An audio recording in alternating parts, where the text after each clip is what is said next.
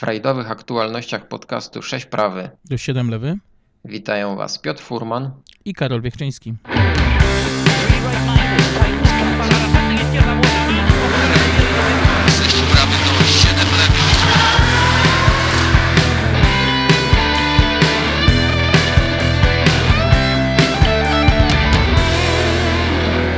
Zakończył się drugi najstarszy rajd w tegorocznym kalendarzu e, WRC. Rajd Finlandii. Przyniósł on naprawdę bardzo dużo emocji. Dzisiaj się podzielimy z Wami naszymi spostrzeżeniami e, na jego temat. A jest o czym rozmawiać.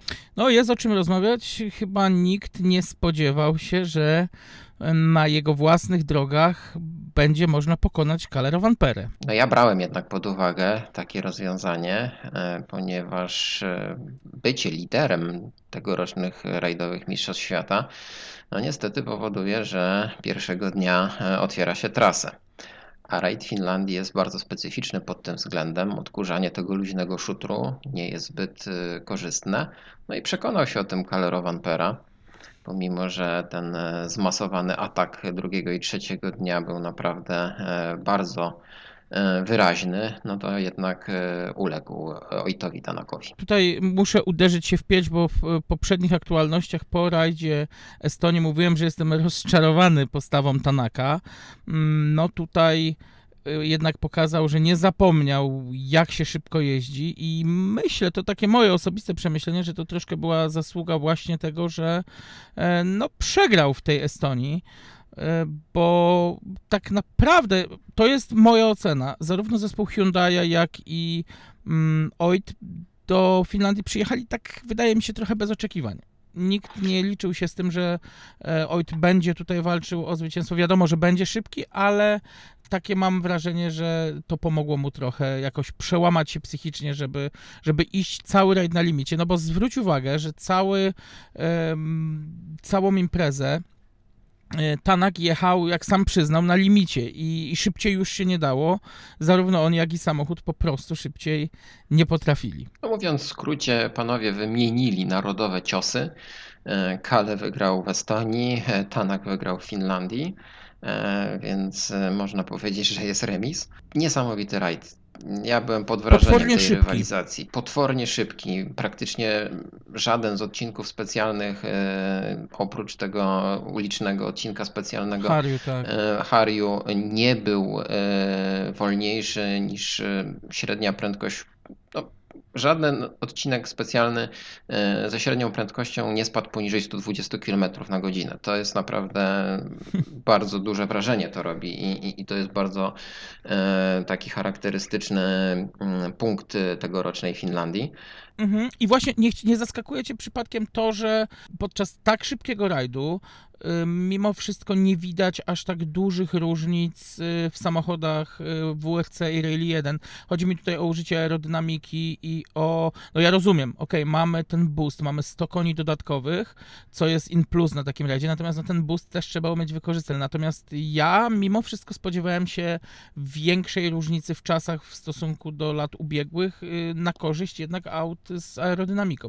Masz rację, ja też czekałem właśnie, jak to będzie wyglądać w Finlandii, e, co da przewagę, czy rzeczywiście to doładowanie e, tego elektrycznego silnika, e, czy rozbudowana aerodynamika, którą mieliśmy jeszcze w zeszłym roku.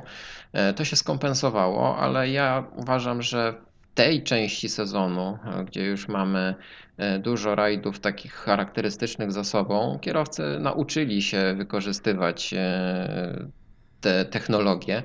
E, I tutaj mamy właśnie przykład, że jednak e, to się bardzo wszystko nam ładnie wyrównało, jeżeli chodzi o osiągi tych samochodów. Ja jeszcze zwrócę na co inno, e, na, na coś innego uwagę, na to, że te samochody praktycznie w ogóle się nie psuły.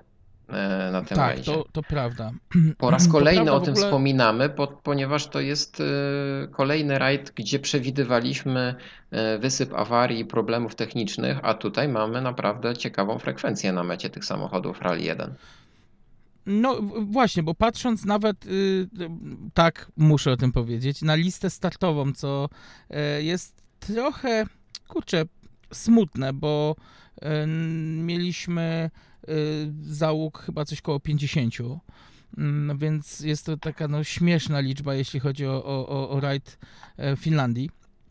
E, I jeżeli mówimy o e, 12 samochodach, które odpadły, z czego większa część była to no, z winy kierowców, no to faktycznie musimy tu powiedzieć o tym, że te samochody stały się bezawaryjne i to nie tyczy się tylko klasy Rail 1, oczywiście tutaj o tym, tak jak wspomniałeś, baliśmy się, no pilotażowy sezon, a jednak okazuje się, że te samochody są na tyle dopracowane, mm, ale też i pozostałych klas, no nie oszukujmy się, i mm, klasy y, R5, y, przepraszam, Rally 2 i Rally 3 i Rally 4, te samochody autentycznie dzisiaj są niezawodne, co jest no niespotykane w historii całego sportu rajdowego, żeby osiągnąć aż taki poziom niezawodności w rajdówkach. Ta niezawodność klasycznych rajdówek niższych klas e, już mnie nie zaskakuje. No, przewidywaliśmy, że mogą być problemy z tymi układami hybrydowymi, ale okej, jest wszystko w porządku. Te samochody rzeczywiście szybko jeżdżą. E, Można powiedzieć też nawet, że widowiskowo, e, ale jednak teraz mamy zupełnie inny rodzaj widowiskowości. Ta widowiskowość e, rajdów do Mistrzostw Świata polega właśnie na tej zaciętej rywalizacji, tej e, jeździe na ponad 100% od pierwszego odcinka specjalnego do samego końca. I tutaj przekonaliśmy się bardzo wyraźnie o tym, jak kierowcy są zmuszeni wręcz do tego, żeby trzymać tempo e, przez cały rajd. Nie mogą odpuścić tak naprawdę żadnego odcinka specjalnego. E, Przekonał się o tym i Oit Tanak, i Kalle Rovanpera, a także załogi, które zajęły niższe miejsca, bo widzieliśmy, jak powoli te e, ich straty rosną. Jedynie Kale był konkurencyjny dla Tanaka do samego końca i myślę, że gdyby ten rajd miał 3-4 odcinki specjalne więcej, kto wie, jakby się to dalej potoczyło. Tanak przyznał, Wiesz- że jedzie już e, wszystko, tak? Na Że limicie, i- tak. tak, że jedzie na limicie i, i, i szybciej nie jest w stanie, a często nawet powyżej tego limitu jechał. Także naprawdę em, no, to, co, o czymś mówi, tak? Jak to wygląda, jak Piotrek. wygląda ta rywalizacja. Oczywiście, tylko zwróć uwagę, gdzie oni mieli jechać nie na limicie, jeżeli mówimy o 320 km HS-owych. Ten rajd No jest tak. tak. dzisiaj krótki, że tutaj nie ma mowy o strategii, że tu odpuszczę. To nie jest y, 86 rok, gdzie e, mówiliśmy o 50 odcinkach specjalnych i, i, i rozplanowywaliśmy strategię. Tutaj no, to jest sprint od samego początku do samego Masz końca. rację, tak, jedziemy to jest, wszystko. to jest charakterystyczne dla dzisiejszych rajdów, ale przeanalizowałem troszeczkę e, te rajdy Finlandii wstecz i bywały krótsze em, rajdy, e, jeżeli chodzi o długość odcinków specjalnych. E, Nawet jubileuszowy rajd Finlandii 60 miał 300 chyba 10 kilometrów, E, ale to nie o to chodzi. Ten rajd zawsze był szybki, zawsze był sprinterski, zawsze wymagał od kierowców e, bardzo dużego mm, takiego zaangażowania się, bardzo wysokiego poziomu skupienia, e, bo tam rzeczywiście margines błędu jest niewielki. Tutaj panom udało się stworzyć e, fantastyczne widowisko. E, Dawno nie mieliśmy tak e, pysznej rywalizacji. I tutaj muszę też powiedzieć o kierowcach, którzy, no, tak jak wcześniej wspomniałem, troszeczkę spuchli. E, SAP Kalapi e, to on na początku naciskał Tanaka, mm, potem jednak ta jego strata zaczęła rosnąć. To też o czymś świadczy, że brakowało pewnie takiego zacięcia, takiej pewności może samochodu i siebie, żeby rywalizować do końca. E, Zawiodłem się troszeczkę znowu na Evansie. E, Zawodnik, który wygrał ten rajd, e, też e, odpuścił tak jakby w pewnym momencie. Ta strata już e, poszła w ponad półtorej minuty, e, więc to w przypadku tego, że on jedzie też tym najszybszym samochodem w tej chwili, no bo też Toyotą, e, no to coś mówi o kierowcy. Mm, O Fordzie nie ale wiem, czy jest w ogóle sens rozmawiać. E, No, wydaje mi się, że jest, bo e, nie tylko my mm, rozmawiamy tutaj e, aktywnie o e, formie Elfina Evansa i tym, co sobą dzisiaj reprezentuje.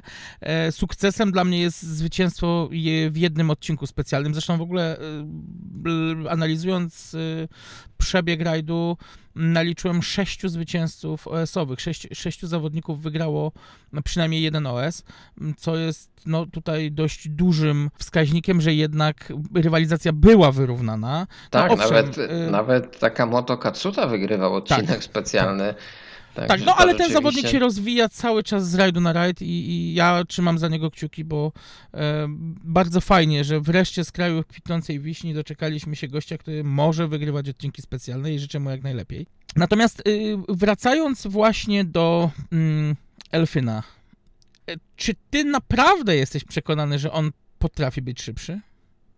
No, ja jestem przekonany o tym w 100%. To jest zawodnik, który wygrał rajd Finlandii i walczył o tytuł e, rajdowego mistrza świata.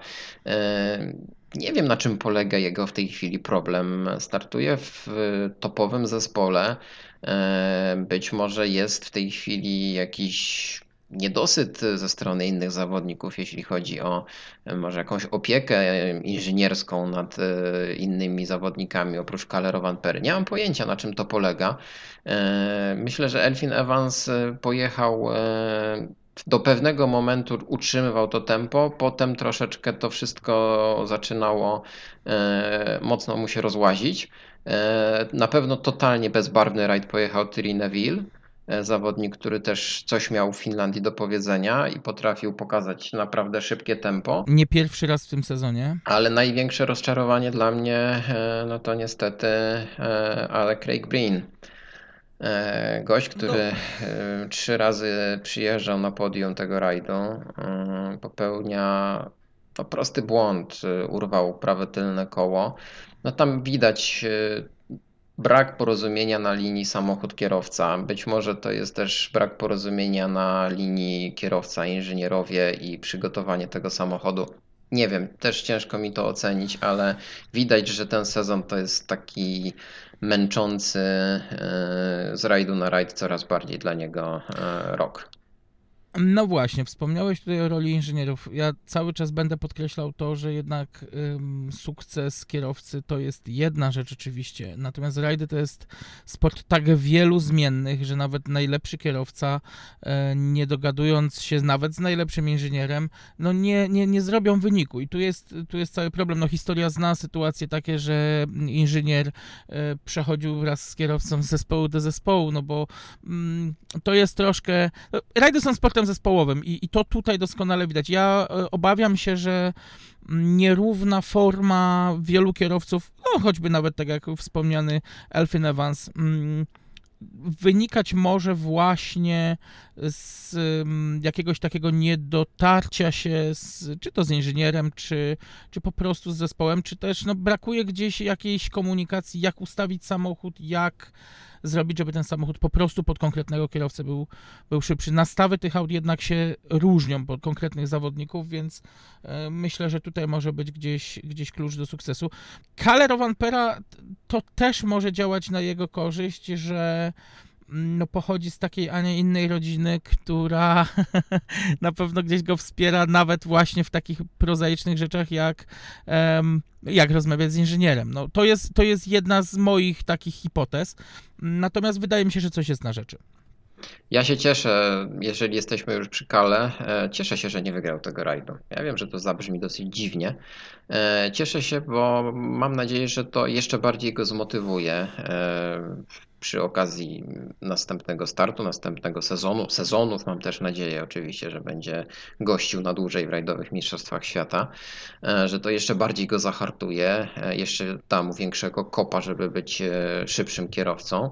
A poza tym nie, nie będzie pierwszym Finem, który zdobył, zdobędzie najprawdopodobniej oczywiście tytuł rajdowego mistrza świata, nie będzie miał na swoim koncie zwycięstwa w rajdzie Finlandii.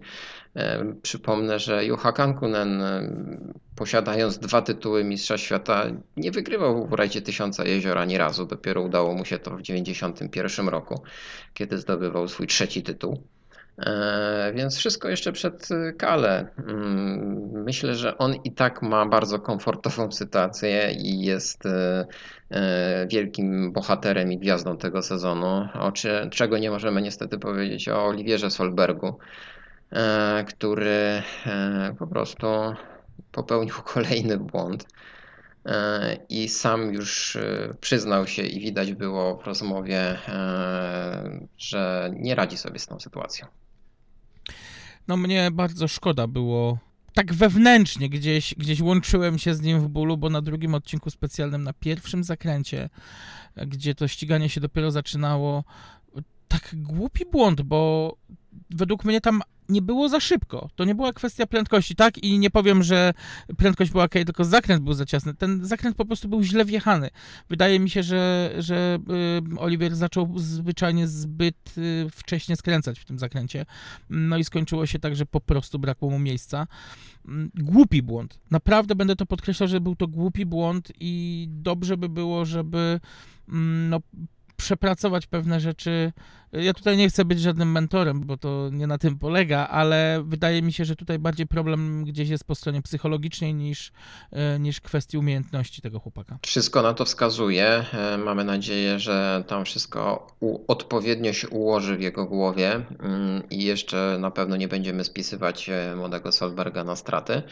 Ja jeszcze chciałem powiedzieć jednej rzeczy. Przed rajdem bardzo bawiły mnie nagłówki prasowe, że problemy Hyundai'a, dramat w Fordzie i że Toyota dominuje i i okazało się, że jednak Hyundaiem da się wygrać z Toyotą, że mm, to nie jest tak, że Toyota zrobiła jakiś magiczny samochód, który będzie teraz wygrywał wszystko, co się da wygrać. Mm, I znowu wracam do tego, co wcześniej powiedzieliśmy. To jest kwestia wielu zmiennych i akurat gdzieś te zmienne w Toyocie najbardziej e, kliknęły. Natomiast e, no Hyundai, Hyundai musi jeszcze popracować troszkę nie tyle nad szybkością samochodu, co po prostu nad gdzieś jakimś mm, takim wewnętrznym, zespołowym porozumieniem i dokładnie to samo tyczy się Forda. No okej, okay, w Fordzie sytuacja jest troszkę bardziej skomplikowana, bo tam jednak yy, no to co już kiedyś podkreślałem, zwyczajnie nie ma kim jechać. Ten, samo, ten samochód jest naprawdę bardzo szybki, dobrze przygotowany, no natomiast Gaz Greensmith, który w tym momencie jest siódmy na, podczas rajdu Finlandii, jest pierwszym z Fordów, no to chyba mówi wszystko. Hyundai jest na dobrej drodze, żeby rzeczywiście wyjść z tego dołka, który pojawił się na początku sezonu. W Fordzie jest odwrotnie, na początku było dobrze, teraz jest coraz gorzej. Yy, nie dużo już zostało już nam tych rajdów. E, będziemy obserwować sytuację oczywiście na bieżąco. Ja bardzo szybko chcę tutaj przejść do WRC2 oczywiście, bo startował e, Mikołaj Marczyk i Szymon Gospodarczyk w tym rajdzie. Tylko oni reprezentowali e, polskie barwy. Zabrakło Kajetana Kajetanowicza i Maćka Szczepaniaka i muszę powiedzieć, że Miko Marczyk pojechał chyba w tym roku najfajniejszy i najlepszy rajd w jego wykonaniu. E, tempo, jakie zaprezentowali po Estonii, gdzie popełnili taki e, błąd, który e, spowodował lekkie naruszenie konstrukcji rajdówki, no to tutaj pojechali naprawdę bardzo czysto, bardzo ładnie, no i kontaktowo, bo to tempo było naprawdę takie zmuszające tych najbliższych jego konkurentów do szybkiej jazdy. No i podkreślmy to, że jednak to trzecie miejsce w WRC 2 Junior jest naprawdę dużym osiągnięciem, e, no bo w klasie Open to tam, no nie oszukujmy się, za wiele nie ma co, co, co, co walczyć takim prywatnie zgłoszonym samochodem. Mm, ja jestem bardzo zadowolony, Miko na pewno też e, i to jest dobry prognostyk na następny sezon. To jest e, najważniejszy rajd moim zdaniem. To jest egzamin zdany w Finlandii, e, liczy się podwójnie, e, bo tutaj pokazać prędkość i pojechać czysto ten rajd bez przygód po raz pierwszy będąc tam, to naprawdę trzeba mieć odpowiednie podejście psychologiczne do, do, do tego sportu, który się uprawia. Ja jednak zwrócę uwagę na tą klasyfikację WRC2 Open. Po dyskwalifikacji Timu Suninena e, oni awansowali na szóste miejsce, ale ta strata ponad pięciominutowa nie jest taką dużą stratą, zauważ jednak do zwycięzcy. E, wynika to z tego, że oni tracili na kilometrze niewiele ponad sekundę e, i myślę, że na tym się powinniśmy właśnie bardziej skupić. Mhm. A to, tak jak powiedziałeś, jest najlepszy prognostyk na przyszłość dla tego kierowcy, dla tego duetu O tym starcie na pewno więcej powie sam Mikołaj we swoim vlogu. Polecamy, posłuchać warto.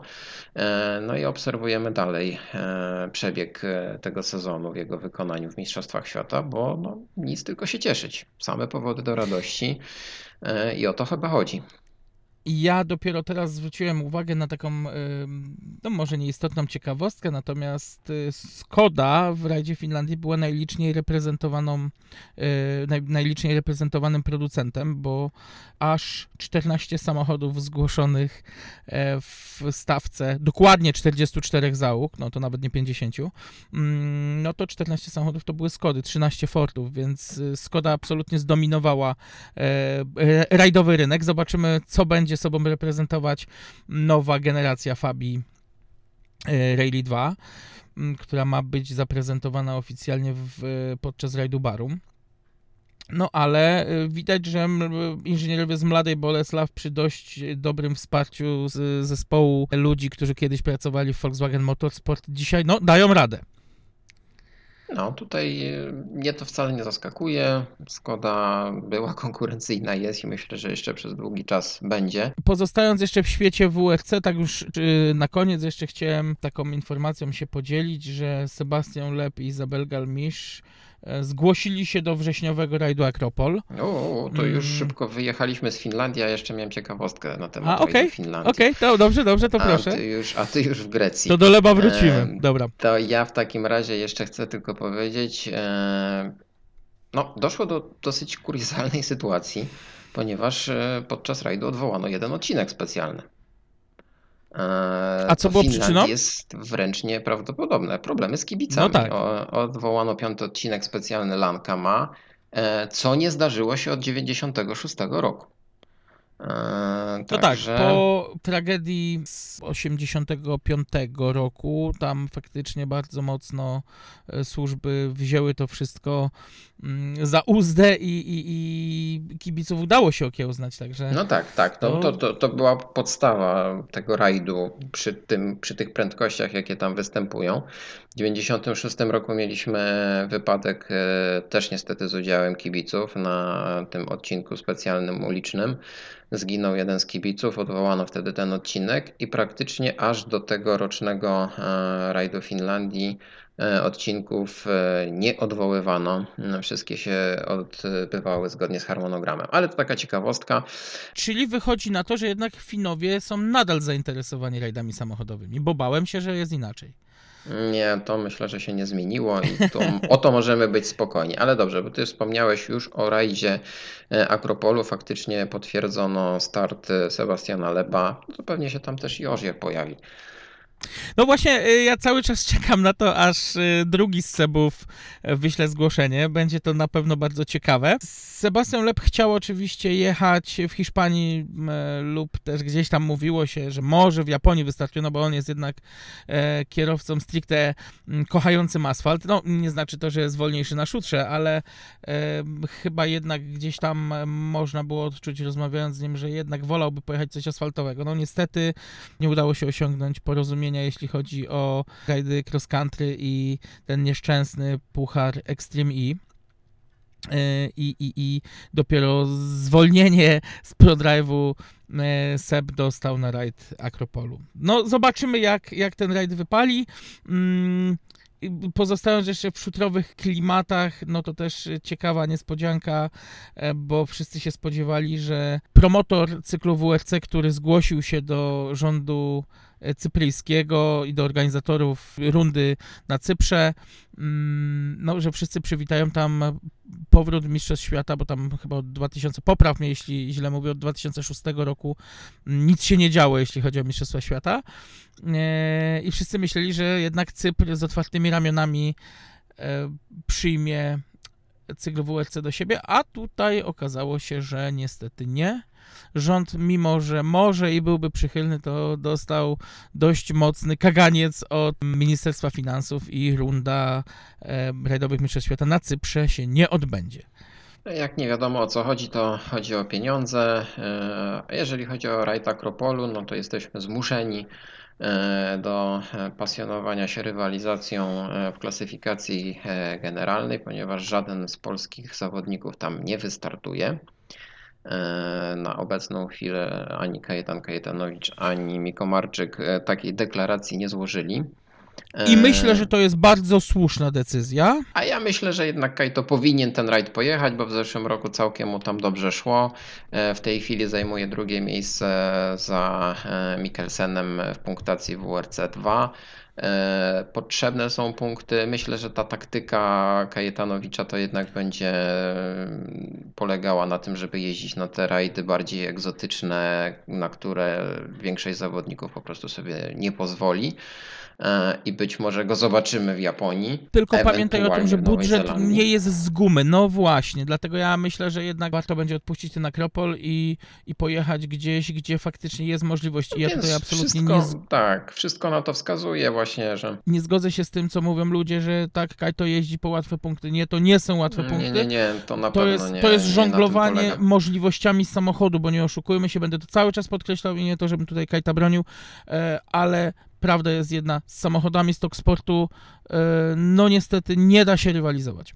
Oczywiście, jeżeli regulamin na to pozwala, zawodnicy mogą sobie dobierać te rajdy, to mamy nadzieję, że Kaito naprawdę e, mądrze e, w dalszym ciągu będzie wybierał te rundy i, i, i uda mu się po, powalczyć e, o ten tytuł w tym roku również. I teraz warto byłoby jeszcze wspomnieć o rajdzie rzeszowskim, który odbył się w ten sam weekend. Rajd rzeszowski Kolejna runda Mistrzostw Polski, Mistrzostw Słowacji. E, Trzecie zwycięstwo Grzegorza Grzyba w telegraficznym skrócie. e, Można tak Bez niespodzianek. W tym rajdzie, tak. Bez niespodzianek. e, Pojechali swoje, chociaż Sylwester Płachytka go tam trochę momentami naciskał. Krótki rajd, te różnice na mecie niewielkie. Przebudzenie Erika Cajsa, trzecie miejsce w klasyfikacji generalnej.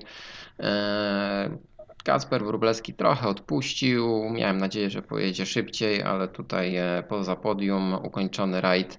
E, Trochę poniżej oczekiwań też pojechał Tom Christensen, ale on się borykał z innymi problemami. Na pierwszym odcinku złapał kapcia, stracił prawie minutę, więc troszeczkę mu ta czołówka odjechała, ale utrzymał prowadzenie e, w klasyfikacji generalnej Mistrzostw Polski, więc wszystko wskazuje na to, że będzie po ten tytuł e, zmierzał. E, Na obecną chwilę Grzegorz Grzyb jest drugi. Tutaj trzeba przyznać, że no nie, nie było możliwości już odrabiać na tak krótkim dystansie, natomiast tak z ręką na sercu, nie jesteś troszkę rozczarowany formą Erika Cajsa? Jestem rozczarowany, ale dlatego też powiedziałem, że nastąpiło pewne przebudzenie, bo on troszeczkę teraz e, zmienił chyba taktykę, odpuścił e, Mistrzostwa Świata, e, przyjechał do Polski. Myślę, że to dobrze mu zrobiło. Może rzeczywiście potrzebuje jakiejś mniejszej presji, rajdów niższej rangi, żeby gdzieś tam sobie to wszystko poukładać. Ja myślę, że jeszcze sprawi ten chłopak dużą niespodziankę i będzie ok. Ale ja jeszcze też chciałbym e, powiedzieć w przypadku rajdu rzeszowskiego o wielkim powrocie, ponieważ po 21 latach nieobecności na rajdowych trasach w Polsce powrócił pan Andrzej Górski, którego serdecznie No i takie newsy zawsze cieszą. Pozdrawiamy oczywiście. Tak, pan Andrzej Górski w tym roku pilotuje Piotrka Parysa. E, Startują e, znanym kibicom e, Fordem Fiesta Proto od e, Wieśka Steca, więc tutaj mam nadzieję, że to będzie taki punkt zwrotny w, karier, w karierze młodego Parysa, e, który miał problemy z kończeniem rajdów. I myślę, że to, że ukończyli ten rajd na 13 miejscu w generalce i wygrali swoją klasę, to przede wszystkim zasługa pana Andrzeja. No nie ma chyba y, lepszego pilota w Polsce z większymi tradycjami do okiełznywania tych młodych talentów niż pan Andrzej Górski. To zdecydowanie. No właśnie. Także cieszymy się bardzo z takiego powrotu. Mówiąc o tym, że zagraniczni zawodnicy przyjeżdżają e, do Polski, wiem, że y, ktoś bardzo interesujący odwiedził nasz kraj. Tak, dzisiaj odbyły się testy Maxa Macre, e, który był w Dzikowcu razem ze swoim ojcem, Alisterem. E, Testowali Forda Fiesta Rally 4. E, On startuje tym samochodem, startował tym samochodem już. E, Max Macre ma obywatelstwo australijskie, e, startował w Mistrzostwach Australii.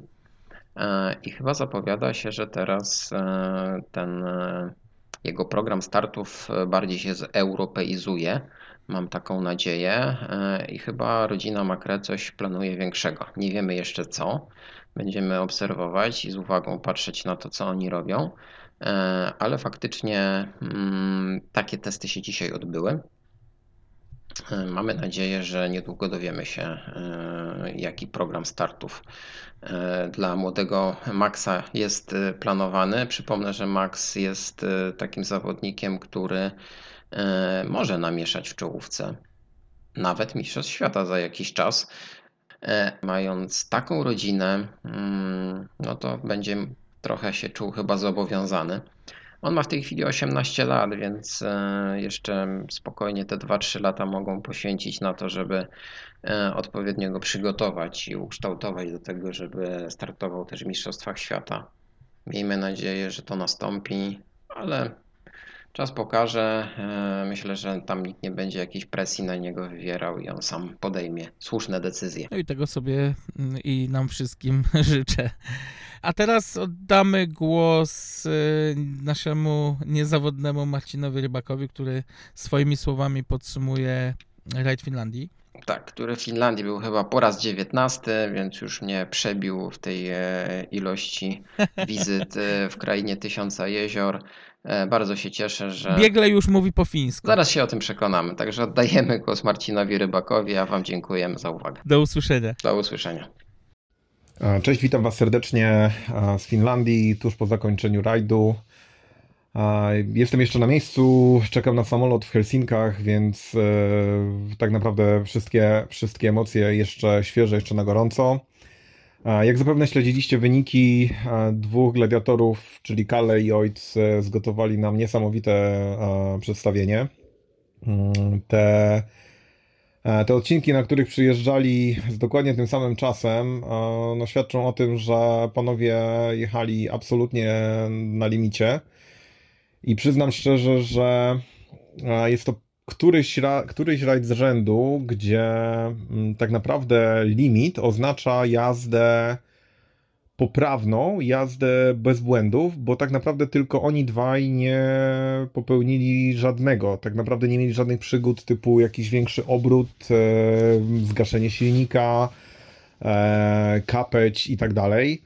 E, przydarzało się to innym zawodnikom, przydarzało się to tej drugiej połowie stawki, natomiast, e, natomiast nasi, e, nasi zwycięzcy, bo traktuję ich tak naprawdę obu jako zwycięzców, oczywiście z uwzględnieniem tego, że to Oit wyjeżdża z Finlandii z 25 punktami.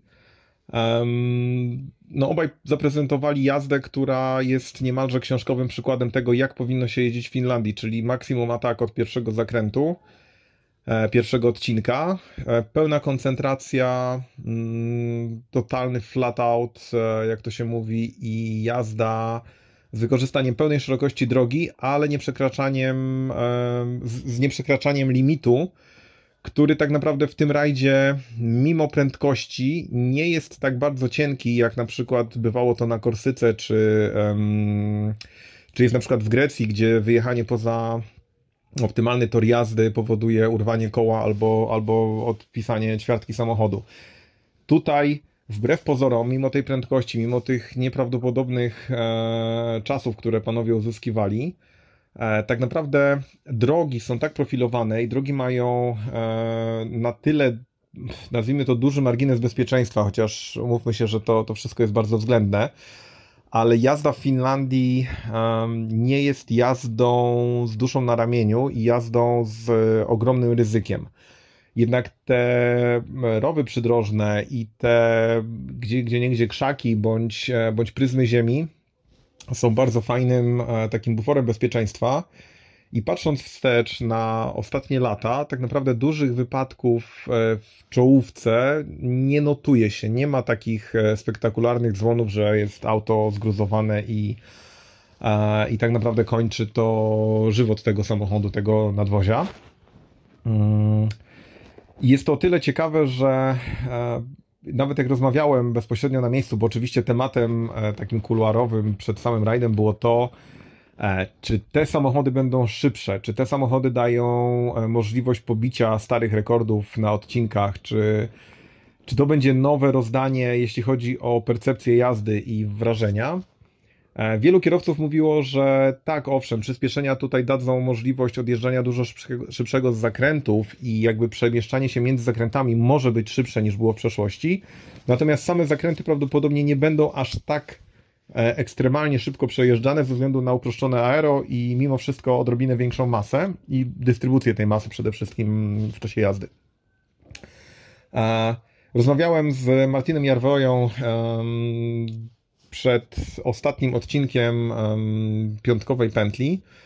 A zapaliśmy się na, na drodze dojazdowej i pytałem go, jak wrażenia i czy się trzęsą ręce. On mówi, że tak naprawdę pierwsze dwa odcinki były takie, że jak zawsze w Finlandii trzeba się przełamać, chociaż mimo, że panowie wyjechali ze Estonii dwa tygodnie temu, to, to ta prędkość mogła gdzieś tam w głowie zostać. To jak Martin stwierdził, przełamanie się w Finlandii jest co roku i co roku trzeba wyłączyć głowę i zacząć po prostu skupiać się na tym, co się robi, a nie na tym, że jedziemy naprawdę ekstremalnie szybko. W związku z czym prędkości no, absurdalne. Patrząc na nagrania kibiców gdzieś z odcinków, no można się zastanawiać, e, jak to się dzieje, że te auta jeszcze się trzymają drogi i nie wypadają. Ja będąc w kilku miejscach, gdzie mm, no może nie tyle niebezpiecznych, bo staram się takich e, za wszelką cenę unikać, ale w miejscach, gdzie było widać dużą, dużą walkę z e, kątem zakrętu, z samym samochodem, z jego masą, przyznam szczerze, że o ile skrócony skok zawieszenia daje się zaobserwować w takich e, bardzo mm, bandyckich cięciach, gdzie gdzie widzimy, że to auto no, nie wybiera aż tak tych, tych nierówności jak kiedyś, to przyznam szczerze, że kontrola nad tym samochodem i jego, jego moc i praca w sumie tylko dwóch w tej chwili dyferencjałów daje praktycznie ten sam efekt, który był kiedyś. I, i śmiem twierdzić, że te samochody dosłownie za moment e, zjedzą wszystkie stare rekordy mm, i, i pobiją wszystkie czasy odcinków, które mieliśmy do tej pory. Także pod względem tego, po co się jeździ do Finlandii, czyli poczucia prędkości, ja jestem usatysfakcjonowany a w absolutnie 102% i po raz kolejny, po raz kolejny dochodzę do wniosku, że ten rajd to jest rzecz, którą trzeba wielokrotnie obejrzeć, żeby ją zrozumieć. Ja po 20 latach e, przeszło jeżdżenia tam mam poczucie tego, że chyba zacząłem to ogarniać, chociaż nadal pierwszy odcinek, czy to jest testowy, czy, czy w ogóle pierwszy odcinek i pierwsze auta robią niesamowitą robotę. E, szybkie podsumowanie mm, reszty stawki i tego, co się wydarzyło w ciągu rajdu.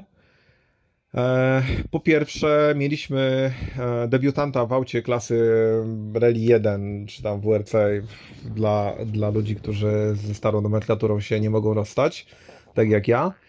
E, Jari Hutunen.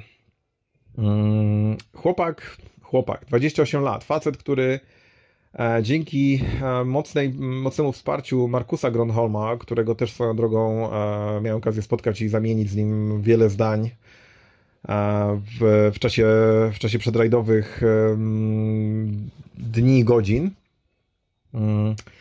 Jari Hutunen zadebiutował w aucie topowej klasy dzięki wsparciu właśnie Markusa i M-Sportu i przyznam szczerze, e, liczyłem na to, że jego debiut będzie może nie tyle spektakularny, ale będzie znaczący, że osiągnie czasy, które będą mówiły o tym, że jest to chłopak, który naprawdę potrafi jeździć, który potrafi e, opanować mm, emocje, e, który wie, do czego służy samochód nie na jednym odcinku, ale na kilkunastu w trakcie całego rajdu.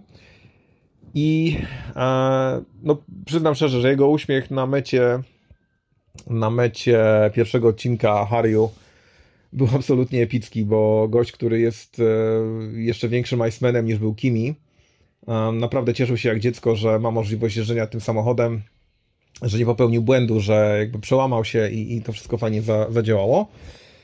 W ciągu rajdu niestety przytrafiły się problemy z autem. Czysto techniczne, awaria mm, pompy paliwa y, i wynika, wynikające z tego mm, niedostatki mocy. Mm, Następnie e, wspomaganie kierownicy, które z jakiegoś powodu chyba to jakiś, był jakiś elektroniczny twitch, bo ono się pojawiało, znikało. Sam Jari mówił, że Jest problem z tym, że nie wie, kiedy ono zniknie, kiedy się pojawi, więc starał się nie jeździć bardzo dużymi poślizgami. Niemniej jednak, e, dopóki się nie przyplątały problemy, e, kręcił czasy na poziomie Craiga Brina, który no po cichu liczyliśmy wszyscy na to, że, że Craig tutaj pokaże klasę i tak jak w poprzednich latach notował bardzo dobre rezultaty, znajdował się na podium w tym rajdzie. Mm. Więc Jali kręcił podobne, podobne rezultaty e, i kto wie, być może gdyby nie przygody, byłby w stanie się wbić w pojedynek między, moim zdaniem, e, Takamoto Katsutą i, i Thierry Nevillem, bo chyba miał na to wszystko papiery i na to wszystko miał poukładane w głowie, żeby, żeby cisnąć właśnie podobnym tempem. E, Co do Craiga Brina, Wiemy, co się stało. Jeden zakręt e, lekko przestrzelony, urwane koło. Bardzo wielka szkoda. No nie układa się Craigowi ten sezon najlepiej i szczerze mówiąc jest dużym rozczarowaniem, jeśli chodzi o mnie, bo ja liczyłem na bardzo wiele z jego strony, że w końcu pełna fabryka, e, bez problemów budżetowych, jedzie swoje, będzie, będzie się rozwijał i będzie budował tę swoją prędkość, odbudowywał właściwie tę swoją prędkość. Tak się nie dzieje, dużo przygód, dużo wypadków, dużo awarii. No zobaczymy, jak to się, jak to się potoczy dalej. Mm, Po asfalcie umie jeździć, więc Belgia, Belgia za chwilę może być jakimś tam przełamaniem. E, Pozostałe załogi Forda pojechały chyba właściwie swoje. Mm, Pierlu i Lube z przygodą i, i z uszkodzonym układem kierowniczym pewnie byłby w stanie być ciut wyżej, ale I być może pokonałby Gasa Greensmitha, ale, ale uważam, że obaj pojechali na miarę swoich możliwości. Jeśli chodzi o, o Adriana Formeau, mm, dla mnie rajd rozczarowujący. Uważam, że ten chłopak ma wielką prędkość w sobie, natomiast w żaden sposób nie był w stanie tego e, zaprezentować w sposób ciągły i taki systematyczny, więc uważam, że, że tutaj coś, coś nie pokleiło. Mm. E, Jeśli chodzi o zespół Hyundai'a, Thierry Neville nigdy nie kochał rajdu Finlandii, nigdy nie mógł się w nim odnaleźć. W tym roku tylko tego dowiódł, że, że nie jest to jego event. Nie wiem, czy to jest kwestia braku zaufania ciągle do tego samochodu, czy jakieś po prostu predyspozycje, które nie pozwalają mu szybko jechać w tym rajdzie. Znaczy szybko. Mówmy się, że mm, jedzie absolutnie wyjątkowo szybko, ale na tle e, swojego kolegi z zespołu i na tle zawodników Toyoty, no nie, nie reprezentował tempa, które pozwalałoby mu walczyć o, mm, o lokaty top 5 i wyżej. E, Oliver Solberg. No chyba nie ma za bardzo tutaj co powiedzieć. E, Drugi zakręt czy trzeci zakręt pierwszego długiego, prawdziwego odcinka w rajdzie. Rolada, auto odpisane bardzo duże zniszczenia. Przyznam szczerze, że patrząc na niego i jego wypowiedź, kiedy się rozpłakał przed e, kamerą e, Dirtfisha, kiedy, kiedy Colin Clark zadawał mu pytania, e, no nie ogląda się tego fajnie. Znam chłopaka, przyglądam się jego rozwojowi, wielokrotnie z nim rozmawiałem, wiem jak emocjonalnie potrafi reagować. I co ciekawe, na przestrzeni ostatnich dwóch tygodni e, płakał ze szczęścia, wygrywając rundę w Hyllies em, w Rallycrossie, e, swoją domową rundę. I tutaj płaczący no, z totalnej bezsilności, e, jeśli chodzi o, o to, co się wydarzyło. No, można mówić o pechu, no jednak mimo wszystko uważam, że bardziej był to błąd. Mm, Był to zakręt, który no, był śliski. Wiele osób o tym mówiło, że ten zakręt mógł, mógł przy, mm, przynieść bardzo zaskakującą nadsterowność. To się właśnie wydarzyło. Oliverowi odjechał tył, auto zgruzowane, koniec rajdu. I przyznam szczerze, że em, mam wrażenie, że u Olivera występuje jakiś problem natury chyba mentalnej, ponieważ z jednej strony wydaje mi się, że chciałby bardzo szybko napisać swoją historię, odciąć się od, em, od powiązań ze swoim ojcem. No mimo wszystko cały czas się mówi, że e, Oliver Solberg, a tak, tak, to jest słynny, y, syn słynnego Petera Solberga i jest to rzecz, która się już od dawna nie pojawia przy nazwisku Calero Van Perry. Już nikt nie mówi o tym, że a, to jest o, syn słynnego ojca. Tam już jest historia napisana na nowo i za moment będzie, będzie pisana bardzo dużymi literami. U Olivera coś nie funkcjonuje i mam wrażenie, że albo jest potrzebny jakiś dobry coach, albo jest potrzebny jeszcze większy spokój wokół niego, bo przyznam szczerze, że jego wypadku pierwszy pełny sezon jako kierowcy fabrycznego, takiego stricte fabrycznego, nie tak jak w zeszłym roku na, na pół etatu, um, no jest mocno rozczarowujący. Tak naprawdę nie pojawiają się pojawiają się przebłyski, ale nie pojawia się nic, co by było stabilne. I można tutaj mówić o, o pechu, tak jak w Kenii, można mówić o pechu również tutaj. No, umówmy się, że jest to, był to zakręt, który można było przejechać na tysiąc sposobów. On wybrał taki, który, e, który mm, spowodował, że znalazł się w malinach. Natomiast mam wrażenie, że, że tam jest zbyt duże ciśnienie w jego głowie, które powoduje brak tego spokoju, tego spokoju, który widzimy na przykład u Calero Van Perry. Mm. To jest fenomen. Można mówić na jego temat naprawdę długo i, i jest to gość, który no, zmienia percepcję tego, jak się mówi o młodych kierowcach, co można osiągnąć w jego wieku. 22 lata, absolutnie, absolutny dominator, mm, dominator na poziomie obu sebów w, w najlepszych swoich latach i nieprawdopodobny spokój w aucie. To jest gość, który bez względu na to, co się dzieje w samochodzie, wygląda na to, jakby miał cały czas wszystko pod kontrolą, jakby cały czas jego, mm, jego jazda e, była poukładana od A do Z. Jakby nie było przypadkowości w tym wszystkim, co się dzieje. Owszem, czasem mówi, że był gdzieś poza drogą, że były problemy, że były przygody. Natomiast oglądając on board, te przygody wyglądają tak, jak normalna jazda każdego innego zawodnika. Co ciekawe, mm, ten spokój Kale jest e, z jednej strony jest bardzo pomocną rzeczą w poukładaniu sobie całego sezonu, natomiast byłem świadkiem tego, jak Kale motywuje się, jak przygotowuje się do odcinka i włącza sobie, włącza w sobie ten, mm, ten faktor, e, ten taki killer mode, no jest to niesamowite. Gość po prostu w ciągu paru sekund e, potrafi krzyknąć na siebie, potrafi wykonać jakieś bardzo gwałtowne ruchy, zacząć rozgrzewać nadgarstki, łokcie, obręcz barkową.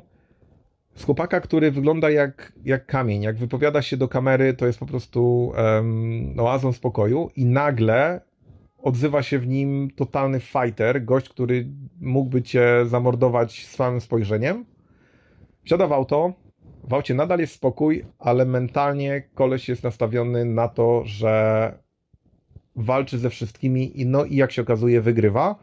Lub tak jak w wypadku rajdu Finlandii jest drugi. Mm. Elvin Evans, który e, liczyłem na, na to, że się włączy do walki i było bardzo blisko był, był blisko tego podium. Cały czas wydawało się, że jest to w zasięgu, że zmiana kolejności jazdy w sobotę, niedzielę może, może dać to jakiś bonus. To się jednak nie wydarzyło. Szkoda, ale umówmy się, że Elwin cały czas jest w topie i jest w stanie wygrać e, to, co się, to, co się nadarza. E, jest w stanie wykorzystać każde potknięcie chłopaków z przodu. Mm, SAP Kalapi, mój cichy faworyt bardzo, bardzo, bardzo liczyłem na to, że EP się poskłada i, i przynajmniej będzie walczył o zwycięstwo w tym rajdzie. Nie pomyliłem się. E, myślę, że gdyby gdyby pogoda utrzymała się stabilna, gdyby nie było tego deszczu w, w sobotę była bardzo duża i realna szansa na to, że SAPK nadal byłby w zasięgu tych dosłownie kilku sekund i byłby w stanie walczyć. E, myślę, że mimo wszystko bardziej skalę niż z, z Ojtem, ale było to niesamowicie przyjemne do oglądania, że ten gość, który tak naprawdę stracił fuchę w zespole fabrycznym kilka lat temu, wydawało się, że no, może już się nie, nie odnaleźć więcej w roli kierowcy fabrycznego. W tym sezonie pokazuje, że na każdej nawierzchni, w każdych warunkach może być szybki I jedyne, czego mu brakuje, to tego, żeby móc pojechać cały sezon, nie tylko wybrane rundy, nie mieć przerw po kilka e, czy kilkanaście wręcz tygodni, bo, bo e, zostaje auto przygotowane dla Ogiera. I myślę, że gdyby to było rozwiązane tak, jak jest w sporcie, że cały czas jadą 3-4 auta i w momencie, kiedy pojawia się Seb Ogier, to może być auto piąte na przykład. To byłoby, to byłoby zdecydowanie lepszym rozwiązaniem i myślę, że SAPK przywoziłby bardzo duże punkty dla Toyoty. Tego mu serdecznie życzę i, i trzymam za niego bardzo mocno kciuki. Jak się okazuje, nawet z rolowanym autem można, można jechać na podium. E, No i finalnie Oistanak. Gość, który moim zdaniem em, nadal jest chyba najszybszym kierowcą. Jeśli chodzi o taką czystą, wrodzoną prędkość, nadal chyba jest numerem jeden. Eee, Być może Kale jest na tym samym poziomie. Trudno mi to powiedzieć, dlatego że Oit cały czas narzeka mimo wszystko na swojego Hyundai'a, który jest bardzo kapryśnym autem. Potrafi wygrać, potrafi być w, w szarej nicości. Eee, Dziwne. Dziwne jest to, że jest to fabryczny zespół, który mając takie zasoby, no przegwizdał, przespał ten moment, kiedy można było budować auta i, i jest o kilka miesięcy, a jak nie kilka miesięcy, na pewno kilkanaście tygodni za, za Toyotą i Sportem. Niemniej jednak pokazał to, za co Ojta lubimy, czyli totalny atak od dosłownie pierwszego metra. I jak sam powiedział, e, emocje, które mu towarzyszyły na początku, czyli to przełamanie się, ten moment, kiedy trzeba było się przyzwyczaić do prędkości, był tak intensywny, że były drżące dłonie, że były, były bardzo duże emocje takie skumulowane, że po odcinku trzeba było chwilę ochłonąć, żeby, żeby dojść do siebie. E, ale co najważniejsze, ten status, ten stan utrzymał od pierwszego do ostatniego odcinka i w niedzielę wiele osób mówiło, że Kale, e, Kale teraz wygra, że ma te 10 czy tam 11 sekund i on to zrobi, że jest w takim cugu i w takim, e, ma taki flow, że jest w stanie to zrobić. Natomiast Oit pokazał, że chwileczkę, ja tu jeszcze mam coś do powiedzenia i to, że wytrzymał tę presję i to, w jaki sposób e, rozegrał karty, mm, naprawdę mega szacun, super ważne zwycięstwo dla niego, bo wydawało się, że Oit nam powoli w tym Hyundaiu gaśnie, a zwycięstwo na Sardynii nie było aż tak spektakularne, jakby można było e, myśleć o nim. E, Więc Oit wygrywa Finlandię, robi e, hat-trick, jest to jego trzecie wygrane, trzecia wygrana. Szkoda, że Kale nie wygrał, oczywiście wiadomo, byłby to domowy sukces, ale myślę, że dużo lepszym rozwiązaniem dla Mistrzostw Świata jest to, że wygrał Oit, że zmieniła się mm, pozycja numer dwa w klasyfikacji rocznej. Em, Oit wyprzedził Thierry'ego Neville'a. E, oczywiście Kale ma tak gigantyczną przewagę, że nie mówimy tutaj o walce o tytuł, bo naprawdę musiałyby się wydarzyć jakieś kompletnie absurdalne sytuacje, żeby, żeby Kale tego tytułu nie zdobył. Natomiast fajnie, bo mm, włączył się kolejny gracz do pogoni za, za młodym i no myślę, że jeszcze da nam parę fajnych, fajnych wyników w tym sezonie. E, Następny rajd, rajd Belgii. A, Jestem przeszczęśliwy, że nie muszę na ten dziadowski i najgorszy w kalendarzu rajd jechać. E, Mam w tym czasie inne zawody. E, Obiecałem sobie w zeszłym roku, że moja stopa więcej w Belgii nie powstanie i póki co realizuję ten plan, także e, myślę, że usłyszymy się mm, po Belgii, ale będę relacjonował to na, na poziomie moich prywatnych kontaktów i, i e, sytuacji, które będę obserwował również tak jak wy na WRC+.